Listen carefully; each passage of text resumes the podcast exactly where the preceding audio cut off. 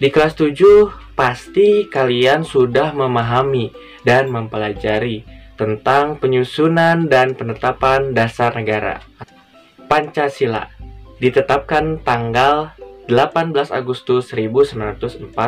Kenapa tanggal 1 Juni ditetapkan sebagai hari lahir Pancasila?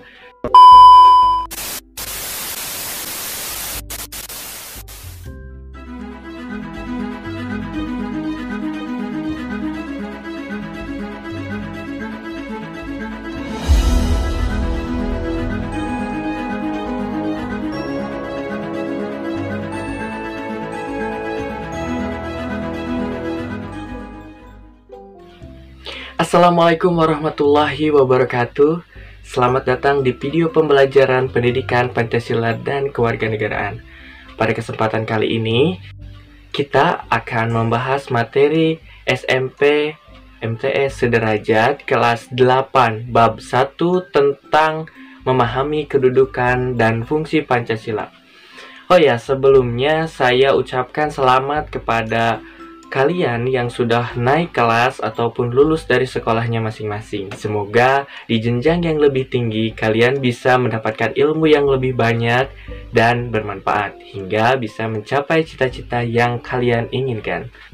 Oke, okay, karena di video ini kita akan membahas tentang materi kelas 8 bab 1 yaitu memahami kedudukan dan fungsi Pancasila.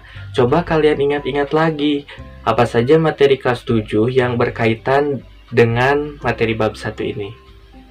Di kelas 7 pasti kalian sudah memahami dan mempelajari tentang penyusunan dan penetapan dasar negara atau Pancasila. Materi tersebut tentunya berkaitan dengan materi yang akan kita bahas pada kesempatan kali ini. Pancasila ditetapkan tanggal 18 Agustus 1945. Mungkin ada yang bertanya, lalu kenapa tanggal 1 Juni ditetapkan sebagai hari lahir Pancasila? Jawabannya, karena tanggal 1 Juni, Insinyur Soekarno pertama kali memperkenalkan istilah Pancasila pada sidang BPUPKI.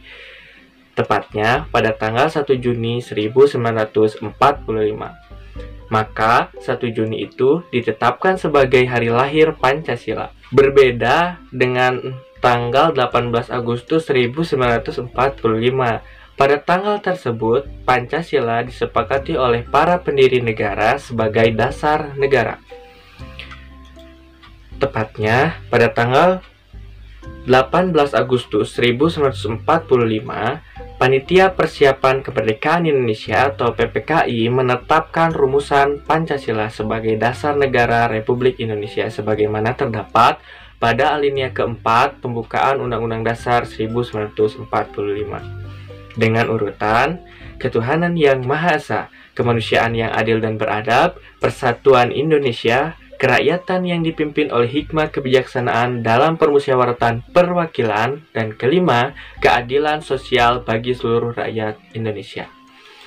Kedudukan Pancasila sebagai dasar negara Berarti Pancasila adalah dasar atau fundamen yang mengatur pemerintah negara dan juga sebagai dasar untuk mengatur penyelenggaraan negara.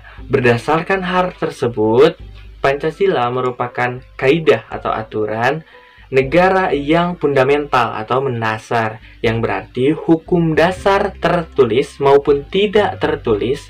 Dengan demikian semua peraturan perundang-undangan yang berlaku dalam negara Republik Indonesia harus bersumber dan berada di bawah pokok kaidah yang fundamental. Seperti halnya tercantum dalam Undang-Undang Nomor 12 Tahun 2011 tentang pembentukan peraturan perundang-undangan bahwa Pancasila merupakan sumber dari segala sumber hukum. Penempatan Pancasila sebagai sumber dari segala sumber hukum adalah sesuai dengan pembukaan Undang-Undang Dasar 1945 Pancasila ditempatkan sebagai dasar dan ideologi sekaligus dasar filosofis bangsa dan negara. Maka setiap isi atau materi peraturan perundang-undangan tidak boleh bertentangan dengan nilai-nilai yang terkandung dalam Pancasila. Pancasila juga sebagai ideologi negara kesatuan Republik Indonesia. Ada yang masih ingat apa itu ideologi? Ya, ideologi itu bisa diartikan sebagai ide atau gagasan atau keyakinan. Pancasila sebagai ideologi mengandung pengertian bahwa Pancasila merupakan ajaran, gagasan, doktrin, teori, atau ilmu yang diyakini kebenarannya dan menjadi pandangan hidup bangsa Indonesia sebagai petunjuk dalam menyelesaikan masalah yang dihadapi masyarakat, bangsa, dan negara Indonesia. Pancasila sebagai pandangan hidup pegangan hidup, pedoman hidup, petunjuk hidup, dan jalan hidup atau way of life berarti Pancasila berfungsi sebagai pedoman dan petunjuk dalam kehidupan sehari-hari. Dengan demikian, Pancasila sebagai pandangan hidup merupakan petunjuk arah semua kegiatan aktivitas hidup dalam kehidupan di segala bidang. Pancasila sebagai jiwa bangsa berfungsi agar Indonesia tetap hidup dalam jiwa Pancasila. Pancasila sebagai kepribadian bangsa Indonesia. Seperti yang kita ketahui bahwa kepribadian itu da, setiap orang berbeda-beda. Nah, kalau berkaitan dengan Pancasila sebagai kepribadian bangsa Indonesia memiliki fungsi yaitu sebagai hal yang memberikan corak khas bangsa Indonesia dan menjadi pembeda yang membedakan antara bangsa kita dengan bangsa yang lainnya.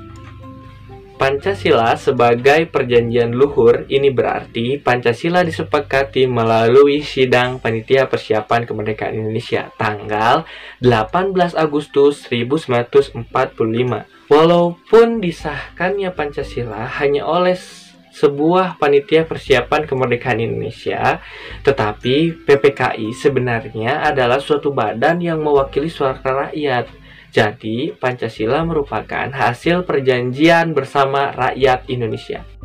Pancasila sebagai cita-cita dan tujuan bangsa Indonesia memiliki fungsi yaitu menciptakan masyarakat yang adil dan makmur. Pancasila sebagai satu-satunya asas adalah sebagai konsekuensi ditetapkannya Pancasila sebagai dasar negara dan juga merupakan perwujudan melaksanakan Pancasila secara murni dan konsekuen. Pancasila sebagai moral pembangunan. Artinya, Pancasila dijadikan kerangka, acuan, tolak ukur, parameter, arah, dan tujuan dari pembangunan. Itulah penjelasan dari materi memahami kedudukan dan fungsi Pancasila. Penjelasan ini diambil dari beberapa sumber. Apabila ada yang ingin ditanyakan, silakan tulis di komentar. Dan jangan lupa untuk terus dukung channel ini dengan cara klik tombol subscribe dan nyalakan loncengnya. Silahkan bagikan video ini apabila bermanfaat. Terima kasih, salam. Sampai jumpa di video berikutnya. Wassalamualaikum warahmatullahi wabarakatuh.